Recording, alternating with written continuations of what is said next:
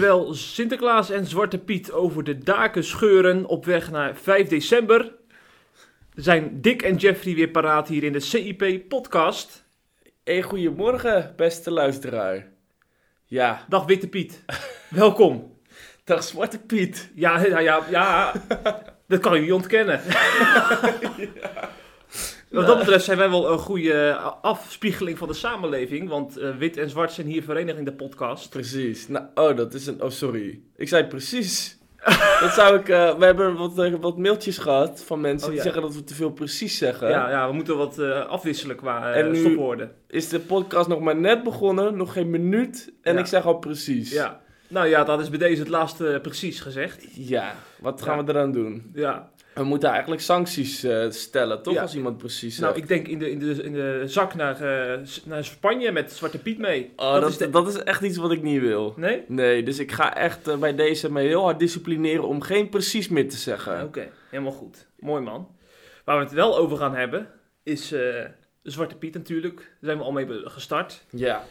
En ook Christelijk Nederland houdt zich daar inmiddels mee bezig. Dus ja, vandaar dat we het ook in de podcast gaan bespreken. Zeker. En eh, we gaan het ook hebben over een eh, eh, toch opvallende advertentie in een Tols, ja, lokale, Tolse lokale krant. Tols? Ja, Oh, eiland, eiland Tolen, zeg Oh, maar. ja, ja. Jarenlang gewoond, dus ik vind het toch wel leuk dat we ook hier, hier over Tolen kunnen hebben. En we gaan het ook hebben over een verklaring van reformatorische mannenbroeders in het Reformatorisch Dagblad. Die hebben zich uitgesproken over homoseksualiteit. En dat wordt altijd goed gelezen. Ja, nee, dat sowieso. Ja, dat wordt eh smullen geblazen wat dat betreft voor sommige lezers. Maar ehm, we beginnen natuurlijk met de stoomboot en de roe. Onderdelen Ja. van, eh, van Sint en Piet.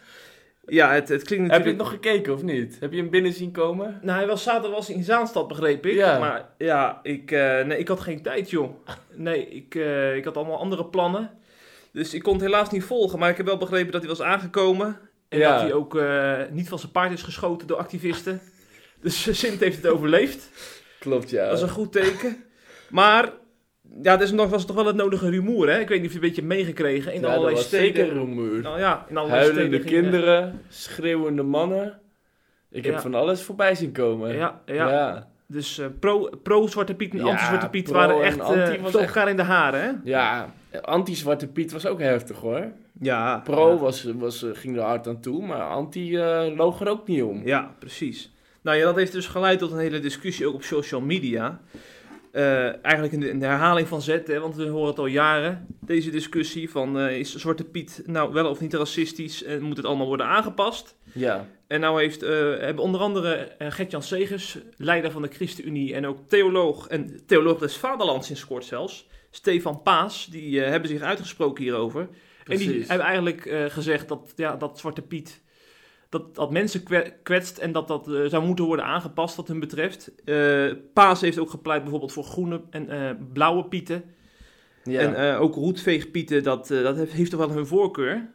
Maar wat me dan inderdaad opviel, Stefan Paas, ik vond, ik, normaal ben, vind ik hem altijd een beetje van, eh, eh, ja, een beetje, beetje Oude jongens krentenbrood. Precies, precies. Maar ik moet zeggen, die Paas die, die heeft wel een goed punt gemaakt op social media, vind ik. Hij heeft ook verwezen in zijn eh, betoog naar een, eh, een artikel wat van eh historic.net, waarbij allerlei geschiedenisverhalen zeg maar, naar boven worden gehaald. Ja, En daaruit kwam naar voren dat het helemaal geen, oude, geen nieuwe discussie is. want dat denk je wel snel, hè? ja, dat ik het, dacht, eh, dat is de laatste vijf jaar... een of andere eh, gek is daarmee begonnen Ja. en, en, en iedereen rent erachteraan. ja, ik dacht de laatste vijf jaar zijn inderdaad wat activisten opgestaan, waaronder Sylvana Simons. Ja, Maar het is eigenlijk, de eerste klacht stamt al uit 1927. Dus nog voor de Tweede Wereldoorlog.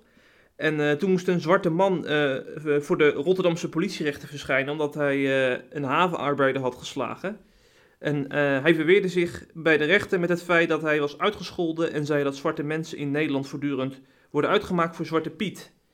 En ook Ja. in 1939, een zwarte onderwijzer werd door een moeder gesommeerd in de tram in Sittard om die tram te verlaten, omdat haar zoontje moest huilen toen hij, toen hij deze zwarte Piet zag. zo. Ja, en dat zijn nog maar een paar voorbeelden. Waarschijnlijk zijn er nog meer. Dus Ja. het toont wel aan dat het, eh, ja, dat het toch wel ook wel eh, de nodige eh, racistische elementen met zich meebrengt. Die dus direct worden gelinkt aan Zwarte Piet. En ik eerlijk gezegd, ik vond het eigenlijk wel een beetje overdreven. Ja. Ik dacht het zal wel meevallen, want ik heb ook wel wat familie eh, afkomstig uit Suriname die hier in Ja. Nederland wonen. En ik heb nog nooit echt iets over, van, van hen gehoord daarover. Nee. Dus blijkbaar, ja, de ene familie wordt getroffen en de andere niet. Ik weet niet hoe dat zit. Ja, want ik heb wel ook, eh, ik, ik heb wel begrepen ook van, van mensen die ik dan weer goed ken, die ook zeiden van nou, als het, is, vindt, als het Sinterklaasfeest eraan komt, dan, eh, dan word ik niet per se blij van of zo. Want dan Ja. word ik de hele tijd weer uitgescholden voor Zwarte Piet. Ja. Ja. Ja, Gert-Jan Segers had het ook over een moeder in zijn blog. Die inderdaad met heel veel tegenzin als 5 december aankeek, omdat ze dan weer eh, wat reacties zou ontvangen. ja, dat is wel bizar, ja. Ja, Ja, ja. Dus wat dat betreft, eh, toch wel eh, een pluspunt wat dat betreft, vind ik, eh, voor de anti-Zwarte Pieten beweging. Want het is natuurlijk niet de bedoeling dat, dat minderheden in dit land gekwetst worden door zo'n door, ja, zo'n sprookjesfiguur eigenlijk. Ja. Wat is het? En, ehm, maar ik vind ook dat we de andere kant moeten schetsen. Want de laatste jaren is deze discussie natuurlijk wel gekaapt door een kleine groep activisten. En ehm, eh, wat dat betreft vind ik ook dat zeg maar, de, de mensen zoals Stefan Paas die kant eigenlijk onbelicht laten. Eh, je hebt dus een groepering, dat noemt zich eh, Kick-Out Zwarte Piet. Dat zijn ook mensen, of groepjes mensen die de afgelopen weekend de straten opgingen in Eindhoven en allerlei andere grote steden om van zich te laten horen. En ze komen op het eerste oog komen ze heel erg vreedzaam over. ja, Dan staan ze een beetje door een megafoon toch wat eh, ha- harmonische teksten, zeg maar, eh, eh, uit te kramen. Maar als je je- verdiept in deze eh, groepering, dan kom je er ook achter dat, eh, dat ze toch wel wat zwarte kantjes hebben. Ik, ik heb bijvoorbeeld ontdekt dat ze vorig jaar nog zijn opgenomen in het dreigingsbeeld terrorisme Nederland van de NCTV. Zij eh, houden zeg maar eh, ja, eh, de veiligheid in de gaten op het gebied van terrorisme Klopt. in Nederland. Ja. En die terrorisme-bestrijdingscoördinator, dat was Dick Schoof toen nog, die eh, heeft ook gezegd bij WNL dat, eh, dat ze in staat zijn om extremistisch geweld te gebruiken. Dat ze dus daarom in de gaten worden gehouden. Dus ze hebben wel wat eh, gewelddadige kantjes hier en daar. ja, En dan denk ik aan dat moment van vorig jaar toen, toen Sinterklaas nog in Dokkum was. En een aantal Friesen besloten om de snelweg te blokkeren. Want toen wilden deze eh kick-out Zwarte Piet activisten wilden daar dus protesteren tussen de kinderen. En dan snap ik eigenlijk wel dat ze de snelweg hebben geblokkeerd om die demonstratie onmogelijk te maken. Als je hoort dat ze dus mogelijk ook wel verder gaan dan alleen maar verbaal zich eh, uitlaten. Ja. Ja, en de- de- deze beweging eh, gaat natuurlijk... Het blijft niet bij Zwarte Piet. En dat voelen heel veel Nederlanders ook wel aan. Want ehm, zeg maar het kerstfeest bijvoorbeeld... Dat wordt natuurlijk ook... eh, dat noemen ze nu ook het winterfeest bijvoorbeeld. Mm. En eh, nou, om even in termen van Stefan Paas te spreken... Het paasfeest eh, staat ook aardig onder druk... Dat mensen dat ook weer willen inruilen voor bijvoorbeeld een suikerfeest. Ehm, dus je ziet dat, dat, dat zeg maar de mensen die zich heel erg verdedigen, die doen dat ook vaak omdat ze aanvoelen van dit is niet het einde, zeg maar. Als we Zwarte Piet aan hun geven, dan gaan straks weer de volgende dingen ook komen. Ja. Het, het- is gewoon een activistische beweging die, die heel, ehm, die- ja, die, die maar door blijft gaan. Ja, en wat mij ook vooral opvalt, dan stel je dus voor dat we eh, meer roetveegpieten gaan eh, eh, introduceren. Maar voor heel veel van die, van die felle activisten is dat niet genoeg. Ze willen gewoon helemaal witte pieten. Ja, Omdat zij gewoon elk streepje zwart vinden zij eh, een, een racistisch kenmerk. Ja. Dus het kan hen niet ver genoeg gaan. En dat vind ik dan weer te ver gaan. Want ik denk van je mag best wel een compromis sluiten. Mhm. Want als je door de schoorsteen gaat, eh, word je in eerste instantie ook nog eens zwart. Dus dan Ja. klopt het ook het hele verhaal niet meer als je heel het zwart weghaalt. Klopt. Ja. Ja, nou, want ik wilde daar eigenlijk ook nog... Ik had er ook nog wel twee punten over. Ja. Eh, want eigenlijk wat we wel moeten concluderen... en dat is ook... ehm, dat zei bijvoorbeeld Maarten van Rossum... zat gisteren bij Pauw, zei... of het was volgens mij eergisteren al...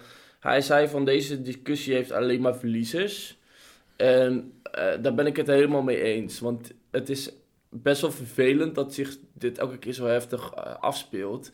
Want nou ja, de Nederlanders hebben er niks aan. Want die, die, zijn, eh, die, die hebben het gevoel dat ze hun feest aan het verliezen zijn, zeg maar. En de, de mensen die hier tegen zijn, die krijgen alleen maar eh, elke, elke keer rond deze discussie zoveel uh, rotzooi over zich heen. Dat ze ook niet blij zijn. Dus het is aan twee kanten is het heel lastig. En ik, ik had eigenlijk wou ik zeg maar een punt voor en, en nog een punt tegen maken. Want um, zeg maar het punt, het punt voor Sinterklaas uh, wat, ik, wat ik heel erg zie is, we leven wel echt in een tijd van gekwetstheid. Weet je, mensen zijn overal gekwetst over. Uh, je kan bijna niks meer normaal zeggen of het, of het wordt ook weer als beledigend ervaren. En ik heb het gevoel dat daar ook heel bewust um, uh, vaak wordt, op wordt ingespeeld. Je ziet het ook in Amerika, heb je hele racisme-debatten, zeg maar. En um, da daar wordt bijvoorbeeld uh, mensen gaan dan uh, Donald Trump heel erg neerzetten als een racist. En het wordt heel erg zo gespeeld dat mensen zich als slachtoffer gaan voelen. En dat wordt de hele tijd benadrukt. Waardoor je uiteindelijk die mensen die zorgen ervoor dat de hele bevolking uit elkaar getrokken wordt. Mm -hmm. En dat is super heftig. Want dat is, uh, dat is toch iets wat, wat, ja, wat je gewoon niet wil, zeg maar. Dat je bijna een soort van burgeroorlog ontketent daarmee. Ja. En al helemaal niet met een bijzaak als Zwarte Piet. En, uh, en daar wordt dan heel erg gedemoniseerd alsof elke Nederlander nu een racist is. Als ze gewoon het leuk vinden om met surprises uh, en, en pepernoten Sinterklaas te vieren.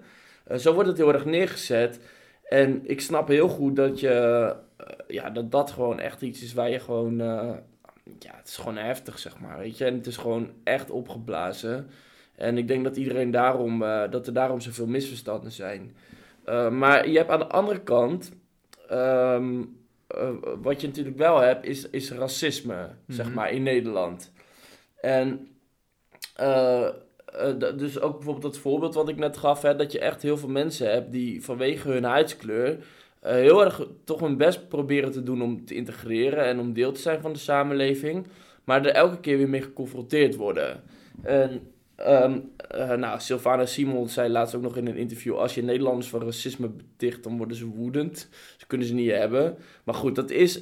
Uh, ik ken bijvoorbeeld iemand. Ik zal geen namen noemen, maar daar ben ik vrij close mee. Mm -hmm. En ze is van Surinaamse afkomst. En um, als zij bijvoorbeeld. Want ik, ik wil dat even zeggen. Want wij kunnen misschien denken, ook als christenen, van nou, we zijn echt niet zo racistisch.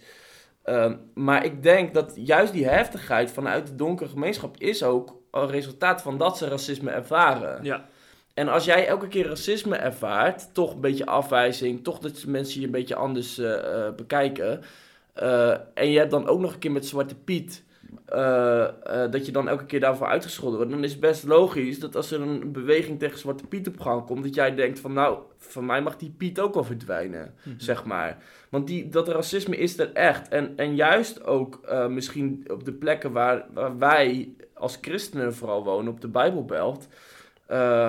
ik ken bijvoorbeeld een, nou, een Surinaamse vrouw ze is gewoon een jonge, jonge dame. Gewoon een, echt ook een heel uh, uh, gelovig iemand, zeg maar. Ze zegt, als ik echt in, op de Bijbelbelt uh, op straat loop, heb ik echt het gevoel alsof ik word nagekeken alsof ik een ontsnapte ja. Bokito uit Blijdorp ben. Ja, ja, precies. Dat en en dat, dat ervaren heel veel mensen wel, weet je. En ik bedoel, als je naar onze kerken kijkt, die zijn vooral toch wel heel erg wit. En de zwarte mensen zoeken hun eigen kerk op. Dus je hebt zeg maar een, een verdeeldheid en uh, uh, terwijl als je kijkt naar de Bijbel, dan gaat het volgens mij over, over de Filistijn, de, de Tyriër en de Moor, uh, zeg maar, die met z'n allen God aanbidden, weet je, mm -hmm. en in handelingen. Dat je de... En ik denk dat het zelfs een zonde is als wij zo los van elkaar leven en christenen zo'n negatief beeld hebben over donkere mensen vaak. En um, nou, dat, dat, ik, ik, denk van die donkere mensen, zeg maar. Sorry, dat klinkt een beetje raar. Maar de Surinamers, de Afrikaanse zijn meestal zijn het ook gewoon christenen. En hoe jammer is het dat we daar niet meer de handen mee ineens slaan, ja. weet je? En dat dat ja. meer een eenheid wordt. En juist vanwege dat gekwetstheid en dat wat eronder zit... Ik denk dat dat uh, uh, de reden is dat... Uh, ja, dat mensen ook zo re reageren op Zwarte Piet. Omdat ze dan voelen dat het sentiment er echt is in Nederland. Het ja. racistische. En dan had ik eigenlijk nog een kleine conclusie die ik erbij wilde plaatsen. Want ik denk dat het een hele lastige discussie is. Mm -hmm. En ik denk dat uh, als, als we alle Pieter Geel zouden sminken, dat, uh, dat, dat er bijna een volksopstand losbarst. En aan de andere kant gaan heel veel mensen het niet blij mee zijn als Zwarte Piet zwart blijft. Dus het is echt een lastig dilemma. En wat ik, denk, wat ik wel denk is dat we als christenen dat belangrijk is. En dat je ziet het ook wel een beetje bij SIP dat het ook behoorlijk los kan gaan. eh, dat we in ieder geval niet ons mee moeten laten slepen door mensen te gaan zitten haten, zeg maar. Ja. Oké, je hebt misschien een andere mening over Zwarte Piet, maar ga niet haten. Hm, Ja. Een stap te ver. Ja. Ja. En wat Gert-Jan Zegers ook eh, eh, zei, sluit hij wel mooi bij aan. Dat, we zeggen vaak in de kerk dat als één lid leidt, dan leiden wij allemaal. Hè? Mhm. Dus ja, als een, kinderwe- eh, een kinderfeest is geen feest meer, als er ook mensen zijn die er pijn door oplopen, zoals je net zegt. Dus mensen die daardoor racisme ervaren. Dus dan is wel een teken dat je daar ook rekening mee moet houden en dus ook aanpassingen Ja. moet doen. Dus dat lijkt me wel een hele mooie conclusie van Ja. Gert-Jan. Ja, ik zou ook niet wakker van liggen over een gele Piet. Maar goed, ik eh, begrijp dat heel veel mensen dat Ja. wel hebben. Ja, ja, ik dat denk ik- dat wij eh, niet ons moeten uitspreken voor de gele Piet, omdat we anders heel wat eh, dreigmail binnenkrijgen waarschijnlijk. Ja, Ja. Nou, we kunnen de roetwegpiet toch maar als com- compromis nemen. dat denk ik ook. ja, Ja, ik vind dat echt een geniaal idee. verhaal. Ja, die schoorsteen, daar, word je, daar word je zwart van, maar ook niet zo zwart dat je heel je gezicht eh, onder zit. Nee. Dus lijkt me een goede, goede oplossing dan. Ja, nou, bij deze hebben we het... wij, dat- dat- wat knap dat we dat zo in één keer eh, hebben. We zouden ook bijna het Midden-Oosten conflict nu ja, op kunnen lossen. Ja, ja dan pakken we er dadelijk gewoon even Ja. bij. Lijkt me een goed idee. En Ja. misschien het, eh, het, eh, het revo versus homo conflict. Ja, precies. Want daar komen we nu waarschijnlijk aan. Ja, ja, ja. Ja, want eh Steve de Bruin, hoofdredacteur van het RD, die zal waarschijnlijk ook zijn schoen zetten op 5 december. Denk je dat echt? Nou ja, dat lijkt mij toch wel. Dat is wel Nou, dat is, dat de reformatorische achterban die, die viert van Sinterklaas. Nou, ik denk Nee? dat je dat niet helemaal goed hebt begrepen. Nee, de rechterflank natuurlijk niet. Ja, maar, nou ja, goed. Ik, weet, ik wil geen vooroordelen hebben over meneer De Bruin. Misschien, eh, het zou goed kunnen inderdaad. Ja, nou, maar ik ben er niet zeker van. Nee, oké. Nee, Ja. maar ik heb het idee dat dat toch wel een, eh, dat ze toch wel heel erg van de Nederlandse cultuur houden. Dat is Sinterklaas toch wel onderdeel daarvan. Nou, maar je hebt bijvoorbeeld eh, precies één iemand die ook in het artikel is. Dat is dominee Piet de Vries. Ja. Dat is bijvoorbeeld echt iemand die stond altijd bekend als een enorme hater van Oké, Sinterklaas. oké, ja. Die was, eh, dat is gewoon een, een eh, stijltevormde... Ja, ja, ja. ja, dus als je... Nee, dan, dan inderdaad goed dat je dat even zegt. eh, Eh, het is een Rooms feest, hè? Zo ja, dat, is ook zo. Ja. Ja. dat, dat heb ik, dat heb ik eventjes, eh, was, was ik even vergeten inderdaad. ja, maar het zou goed kunnen dat hij zijn schoen zet. Ja, ja. En dan laten we daar even van uitgaan in dit scenario. Voor deze discussie maakt het trouwens weinig uit, want het gaat over een heel ander onderwerp. In het RD is namelijk een verklaring verschenen van eh, een aantal reformatorische prominente christenen, waaronder wie dus eh, deze Steef de Bruin, hij is hoofdredacteur van de krant, maar ook Bart-Jan Spruit, een bekende publicist, Diederik, van Dijk, senaat, SGP-senator in de Eerste Kamer, en dus ook inderdaad die Pieter Vries, een hersteld hervormde predikant. Ja. En zij stellen dus, eh, ja, eigenlijk is het een soort waarschuwing, eh, die verklaring. Want zij vinden dat eh, eh, het verschil tussen man en vrouw steeds meer, eh, zeg maar, wordt weggevaagd. En dat het huwelijk steeds meer eh, ook eh, op één lijn wordt gezet met, met homo's. Ze vinden het huwelijk, dat is echt alleen man en vrouw. Dat kun je niet ook, daar kun je ook niet, eh, eh, dat kun je er gewoon niet met twee mannen of twee vrouwen sluiten, een huwelijk. Mhm. En ja, dit is natuurlijk eigenlijk is het helemaal niet verrassend, hè? Want het is bekend dat, dat deze reformatorische mannenbroeders gewoon niet, over, niet homorelaties eh, toejuichen. Dat lijkt mij heel dat is logisch. niet heel veel nieuws. Ja, Nee. maar toch denk ik dat er wel wat boeiends te zeggen is over deze verklaring. Want er zit natuurlijk een heel verhaal achter. Je komt niet zomaar met een uitgebreide verklaring in een krant, lijkt mij. Precies. Wat Oh. mij, ja? Excuus, ik zei Oh, precies. ja. ik denk dat inderdaad een mooi alternatief is. Inderdaad. Inderdaad. Ja, dan gaan we, ja. daar we daar ons was, aan vast. Ja, dus alle, alle mailers, excuses. Maar die verklaring, er zijn dus een aantal dingen die mij opvallen. Waar- waar- Waaronder dus de timing. Want eh, on- onlangs, ik denk alweer, eh, misschien alweer een halfjaartje geleden, heeft het RD een flyer meegestuurd van Stichting Gezin in Gevaar. Waarin, eh, ja, waarop dus een homostel te zien was met een rood kruis doorheen. Om aan te tonen dat, dat, dat ze er niet zo achter staan. En toen is daar heel veel ophef over ontstaan natuurlijk. Van het RD had dat niet mogen verspreiden, die flyer enzovoorts. En vandaar is er een, een, briefwisseling ontstaan in het RD met John Lapré. Een jongen die eh, zeven jaar geleden uit de kast kwam.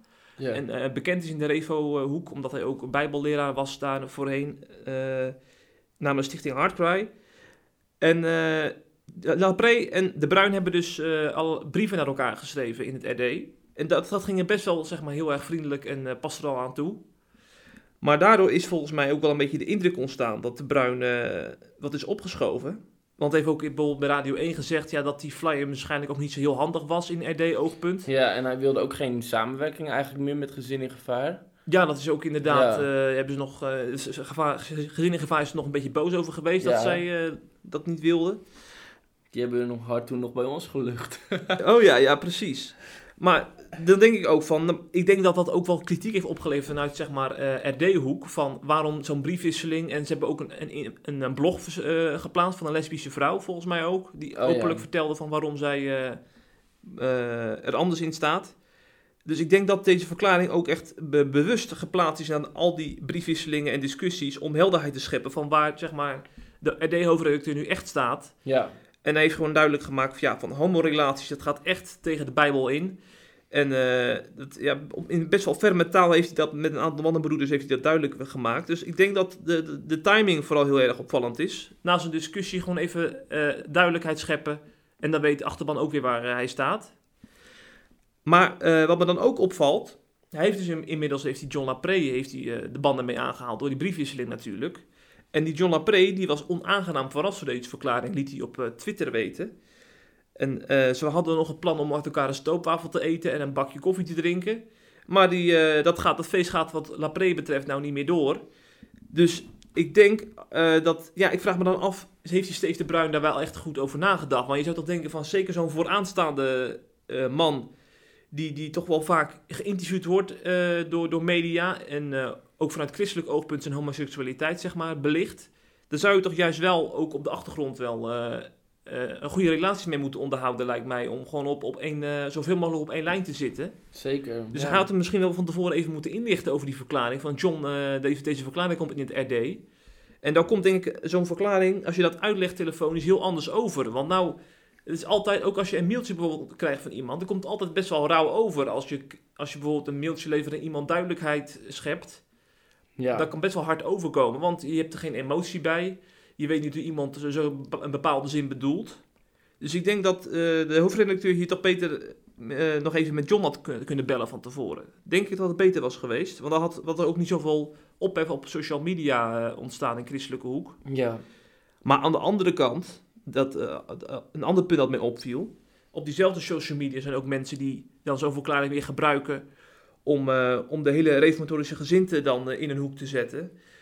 Want dan denk ik van, je weet dat eh, conservatieve christenen, dat zij eh, een mening hebben over homoseksualiteit. Ja. Namelijk dat zij homorelaties nooit zullen accepteren, want eh, relaties zijn voor man en vrouw bedoeld.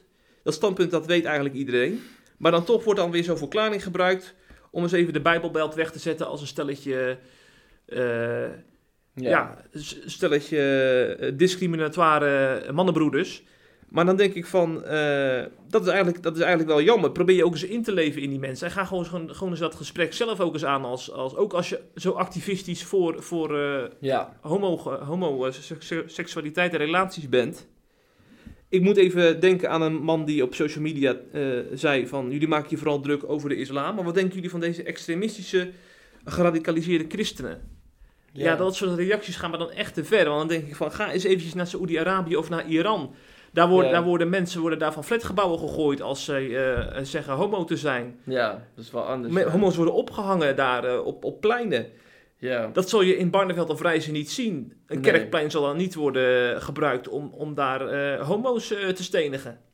Klopt. Ik vind dat je, dat, dat vind ik, dat vind ik jammer, want daardoor worden hele fatsoenlijke, want ik, laten we eerlijk zijn, reformatorische mensen zijn uber fatsoenlijk. Zullen altijd met twee woorden spreken, zullen altijd een mooi gesprek aangaan, eh, ook met tegenstanders.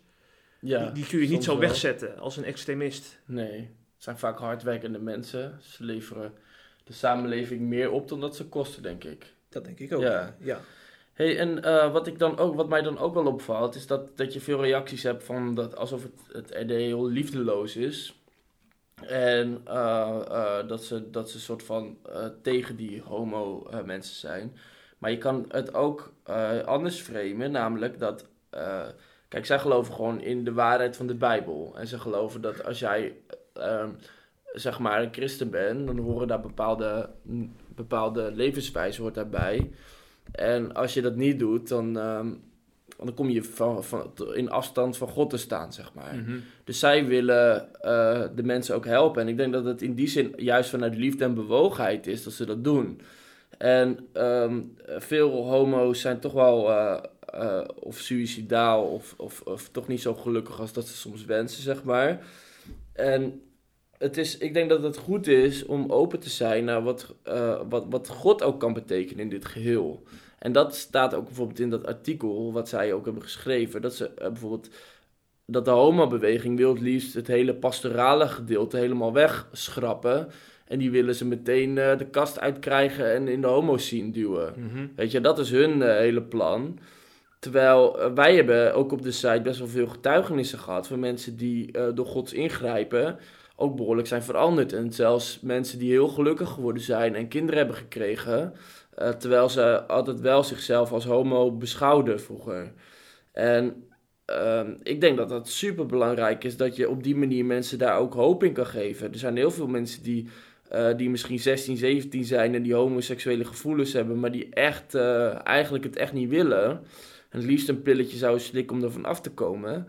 En als, als er voor hun hoop geboden wordt dat, zij, dat God ook misschien nog een andere weg met ze heeft. Ik denk dat dat juist vanuit liefde is. En eh, de, ik denk dat, dat, dat die activisten, die denken alleen maar aan hun eigen agenda. En die proberen precies in te vullen hoe mensen het precies moeten doen.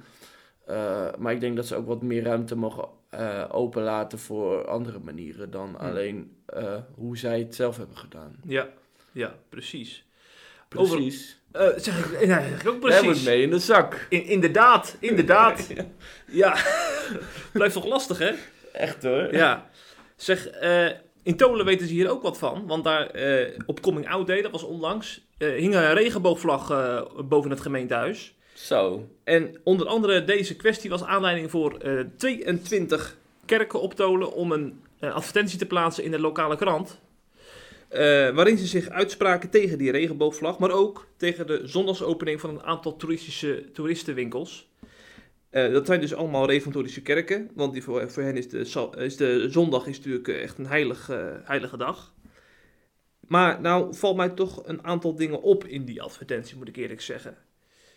In de eerste plaats wordt er dus eh, gesteld in die advertentie dat de zondagsopenstelling van winkels gaat, ingaat tegen het vierde gebod van de tien geboden uit de Bijbel. Ja, en dan denk ik, als je dit soort eh, zinnen aanhaalt, dan denk ik van, eh, wees er wel een beetje voorzichtig mee. Want hierdoor zeg je dus eigenlijk dat de christelijke zondagsrust één op één op de, vanuit de tien geboden te halen is. Terwijl, terwijl daar sprake is van de Sabbat. Dat is niet op zondag, maar op zaterdag. En die Sabbat is in de eerste Ik plaats... weet niet of iedereen het een beetje eens is, Jeff. Nee, maar ik zeg alleen maar de feiten. Feit is dat, eh, dat, dat die tien geboden, dat gaat over de Sabbat en niet over de zondag. Dat kan iedereen nalezen. Ja, dat is En- waar. En, eh, En Jezus zegt ook van eh, dat wij niet zijn om de Sabbat te dienen, maar dat de Sabbat er is om ons te dienen. ook nog. Dus het is ja. geen soort van heilige koe of zo. Ja, ja, Maar goed, het is wel heel begrijpelijk dat mensen hier wel veel waarde aan hechten, denk ik. Zeker. Ja. Ja. Het is ook heel begrijpelijk dat je zondag uitkiest als rustdag, denk ik. Omdat je ook in Nederland een hele andere context hebt dan zeg maar eh, het Midden-Oosten. Ja. Dus dat lijkt me ook. Maar het gaat, maar het gaat mij dus ver om één op één zeg maar, die relatie te leggen. Want dat is gewoon niet hard te maken. En in de tweede plaats denk ik ook dat eh, die, die, die tien geboden eh, gegeven zijn aan, aan de Joden. Dus het is heel moeilijk om, om, om dan één op één zo'n zo'n regel op je eigen context toe te passen. Ik denk dat het heel goed is om die principes daarachter wel mee te nemen. Want je ziet ook in het Nieuwe Testament dat heel veel eh, geboden uit de tien geboden terugkomen. Maar dan op een wat vrijere manier, zal ik maar zeggen. Ja. Dus daarom is het ook heel goed hoor, om een rustdag te hebben. Ik denk ook echt dat dat Gods wil is, want hij heeft zelf ook rust, eh, een dag rust genomen toen hij de, de, de aarde schiep. Hè? Ja. Zes dagen eh, de aarde gemaakt en de zevende dag rust gehouden. Dus het lijkt me ook heel goed dat mensen een dag rust nemen. Maar en dat zei dus ook natuurlijk dat God heeft geen slaven gemaakt van de mens. Ja, Dus zeker, dat is daar heb je wel helemaal een gelijk in. punt. Ja, maar om dan in zo'n advertentie echt één op één te stellen als, alsof iedere christen op zondag vrij, eh, een vrije dag moet nemen, dan denk ik in de eerste plaats aan de dominees die moeten zwoegen op zondag, die moeten preken, die moeten het hele land doorrijden om, om preekbesprekingen te houden. Eh, die, die nemen zaterdag of maandag vaak als, als een rustdag. Dus die nuance ontbreekt dan ook weer in zo'n advertentie. En ehm, Eh, wat mij dan ook nog opvalt, is de- het gaat er ook nog eens over die, die regenboog. Of nee, nee, nee, nee, ik vergeet even wat. Het gaat dus over een aantal toeristenwinkels die dus zich dus in, in Tolen gaan vestigen. En er wordt een beetje gesuggereerd in de advertentie van alsof iedereen bij die, die bij die winkel werkt ook verplicht, geboeid op zondag eh, zijn werk zou moeten doen in die, in die zaak. Mhm. Maar ik heb ook wel eens wat meer nuance gehoord hierover. Want eh, er zijn natuurlijk heel veel mensen die gewoon op zondag vrij willen. Dat zou ik zelf ook willen. Want dan wil je gewoon met je familie doorbrengen. Dan wil je naar de kerk. Ja, Dan wil je, je gewoon je, je, je, je dag anders inrichten. ja. Maar daar is volgens mij ook heel goed over te praten met, met, eh, met eh, je werkgever. Want zeker op een eiland als Stolen is er heel veel begrip voor mensen die op zondag zeg maar, naar de kerk gaan. Ik weet ook, ik heb daar op voetbal gezeten. Nou, op, er werd heel veel rekening gehouden met mensen die naar categorisatie gingen en dat dan niet naar de voetbaltrainingen kunnen. Daar wordt gewoon rekening mee gehouden, want Tolen is ook gewoon een christelijke cultuur. Ja, Dus als een advertentie dan suggereert dat je eh, zeg maar als een soort slavenarbeider op zondag eh, verplicht moet werken bij zo'n toeristenwinkel, ik vind dat nogal wat. Want daar is echt wel over te praten. oké. Dus je vindt het een beetje overdreven? Ja, ik, ja dat lijkt mij wel, ja. Ja, er wordt een soort, soort frame gezet van... eh, er, komen een paar, er worden een paar winkels gevestigd in Tolen... en iedereen die daar werkt, die moet en zal verplicht de hele zondag moeten werken... en kan absoluut niet het woord van God horen. Ik denk dat het wat genuanceerder ligt. Ja, oké. Ja, En, en daarnaast heb je ook nog die regenboogvlag. De- wordt dus gesteld dat eh, die regenboogvlag, die dus is gehezen op Coming Out Day, dat die haak staat op de Bijbelse normen en waarden. Maar dan denk ik, hoe kan een, een, hijsen van een vlag nou haak staan op Bijbelse normen en waarden? We hangen ook Nederlandse vlag op als, als, eh, als het Koningsdag is of als Beatrix jarig is. En dan Hmm. zeggen we ook niet dat zo'n vlag eh, haak staat op Bijbelse normen en waarden. Het is maar een vlag die, die dan op, op, op een bepaalde dag iets wil uitbeelden wat die dag zeg maar actueel is. Op Koningsdag is dat het, is dat, is dat het Koningshuis. En op Coming Out Day zijn, dat- is dat nou eenmaal eh, ja, de LHBT-gemeenschap. ja, maar aan de andere kant heb je natuurlijk wel een dorp wat overgrotendeels christelijk-orthodox, Ja. zeg maar. En die staan daar niet achter. En dan... eh, eh, Maar waar staan ze dan niet achter? Nou ja, achter die eh homovlag toch, zeg maar. Achter dat hele, de hele... Die homovlag is eigenlijk gewoon een signaal van... wij vinden het normaal, zeg maar. Of wij... Ja, eh, maar dat wordt dan ingevuld. Misschien is het, is het helemaal niet het signaal wat maar ermee het wordt is wel een afgegeven. soort van... Kijk, eh, zeg maar in Amsterdam heb je bijvoorbeeld ook heel veel straten. Heb je, het hangt helemaal Ja. vol met homovlaggen. Komt toch een beetje over van... Wij zijn hier de baas, Ja. zeg maar. En ik denk dat... eh, eh, ja, dat zij bijvoorbeeld... Zij redeneren ook van... Ja, we hangen ook de, de Israël-vlag niet op, bijvoorbeeld. Ja, dat is een goed punt. Want als jij wel- de Israël-vlag ophangt, dan gaan de Palestijnen in verweer komen, bijvoorbeeld, weet je? Dus in de Palestijnen-vlag... Dus een vlag staat wel degelijk ergens voor. Ja, nee, daar heb je een goed punt. Ja. En ik vind ook inderdaad dat je consequent moet zijn. Als je bijvoorbeeld andere dagen hebt, dat je dan ook een vlag op het gemeentehuis ophangt. Dus Ja. daar is tegen- tegenwoordig overal wel een dag voor. Mhm. Dus inderdaad, die, als, het, als het inderdaad alleen maar om, een- om een eh, homovlag zou gaan en de rest van het jaar heb je geen andere vlaggen, dan zou ik het ook wel raar vinden. Ja, maar ik weet niet of, dat dus het, eh, of het geval is. Ja. Weet je wat ik wel interessant vind? Of heb je je punt nog niet helemaal gemaakt? Jawel, ik heb Ja? ja. Oké, want ehm, ik zat ook de coalitie te bekijken, want het grootste deel is dus christelijk-orthodox. En ik zag alleen de ChristenUnie en de SGP waren tegen deze homo-vlag en tegen bijvoorbeeld deze, de- waar we het dus nu over hebben. En, maar die hebben met z'n tweeën bijna de hele meerderheid, maar net niet. En buiten die twee partijen stemde iedereen dus er wel voor. En wat interessant is, is dat ehm, bijvoorbeeld de PVV heeft daar twee zetels. Als, en omdat de PVV hiervoor stemde en het, en het CDA, zeg maar, die twee partijen, er stemmen ook best wel veel christenen op. Als christenen, als die, die twee zetels van christenen voor PVV, als die voor de SGP waren, Ja. Dan had de SGP de meerderheid en dan konden ze dit blokkeren. Ja. Dus dat is een heel belangrijk punt als je hier tegen bent. Hm. Stem SGP. ja, en dan kan de SGP-vlag uit. Zo is dat. Ja, ja dan precies. eh, is het misschien niet tijdens het, eh, tijdens het EK, want dan eh, denken ze ook weer dat het iets anders is. Maar ja, de Ja. oranje vlag. precies. Maar zullen we nog even een, een, een, eh, een adviesje meegeven aan al die kerkraden die die eh, advertentie hebben ondertekend? Ja. Want de kerstdagen komen eraan. Ik zou zeggen, plaats nou dan ook een hele grote advertentie in de, in de Tolse bode. eh, met, met, met, met je kerstnachtdienst. En een hele mooie uitnodigende tekst over de koning der koningen die is geboren. Want Dat- ik vind dat dat element ontbrak wel in zo'n advertentie. vind ik ook. Dan moet je, altijd, als je dan iets, iets wil duidelijk maken, dan moet je wel de kern van je geloof ook eh, Ja, meegeven, vind Klopt. ik. Want nu, nu hangt er zo'n beeld van, ja, dat zijn allemaal eh, van die, van die, van die eh, vingerwijzende mensen die weer even duidelijk moeten maken dat, eh, dat een aantal mensen het niet goed doen op het eiland. Ja, je wilde absoluut dan niet denken van, nou, laat ik daar eens een kijkje nemen bij die kerken. Nee, dat is eigenlijk wel jammer. Het, ze zijn zo uh, zagrijnig. Ja, ja. Ja. Dus dat is wel inderdaad, dat is wel het signaal hoe het overkomt. ja En dus het is goed om de waarheid te vertellen, maar soms ook wel in liefde en een beetje gezelligheid erbij. Precies. Ik wil nog even wat credits geven aan Patrick Simons, tolenaar. Hij heeft eh, mij die advertentie per WhatsApp gestuurd, anders had ik eh, dit nooit kunnen lezen. Ja, Dus eh, Patrick, ik zou zeggen bedankt. En Patje. volg, volg, volg Petje, volg hem ook op, op Twitter, want hij heeft altijd hele scherpe meningen over allerlei belangrijke maatschappelijke kwesties in het land. hoe heet het, wat is zijn adres? Ja, nou ja, als je, als je Patrick Simons intikt in, eh, twi- op Twitter, dan kom je vanzelf bij Ja. hem uit. Ik heb alleen wel ge- via, om, via betrouwbare bron gehoord dat die man van PSV is. Ja, dat is wel zo. Ja, daar ben jij niet zo blij mee, begrijp Ja, ik. Dat kan toch niet? Nee, nee, en dan Nee. moeten jullie maar eens even over Dat is een eh, Brabantse club uit het Roomse zuiden, daar zijn wij niet van. Nee, toch? ja, precies, ja. Nee, dat is echt niet. eh, en eh, nee. Eh, dus dat, eh, als hij dat nog een beetje kan veranderen, Ja. dan zeg ik ook volg hem. Oké, nou, dan is nog werk aan de winkel voor Patrick. Zo is dat. Wij volgende week zijn we er, eh, er weer. Als het goed is bij Leven en Welzijn. Dan gaan we weer heel wat andere... Nou, trouwens, dan ben ik er helemaal niet. Dan ben ik in Nigeria trouwens. Oh, Ja. echt waar? Ja, ja, dus waarschijnlijk wordt het dan een Rick en Dick podcast of zo. Kijk, Maar dan... dat is leuk. Ja, Ja, we, we gaan je wel missen hoor, Jeff. ja, ja. je ja. altijd deskundigheid, je...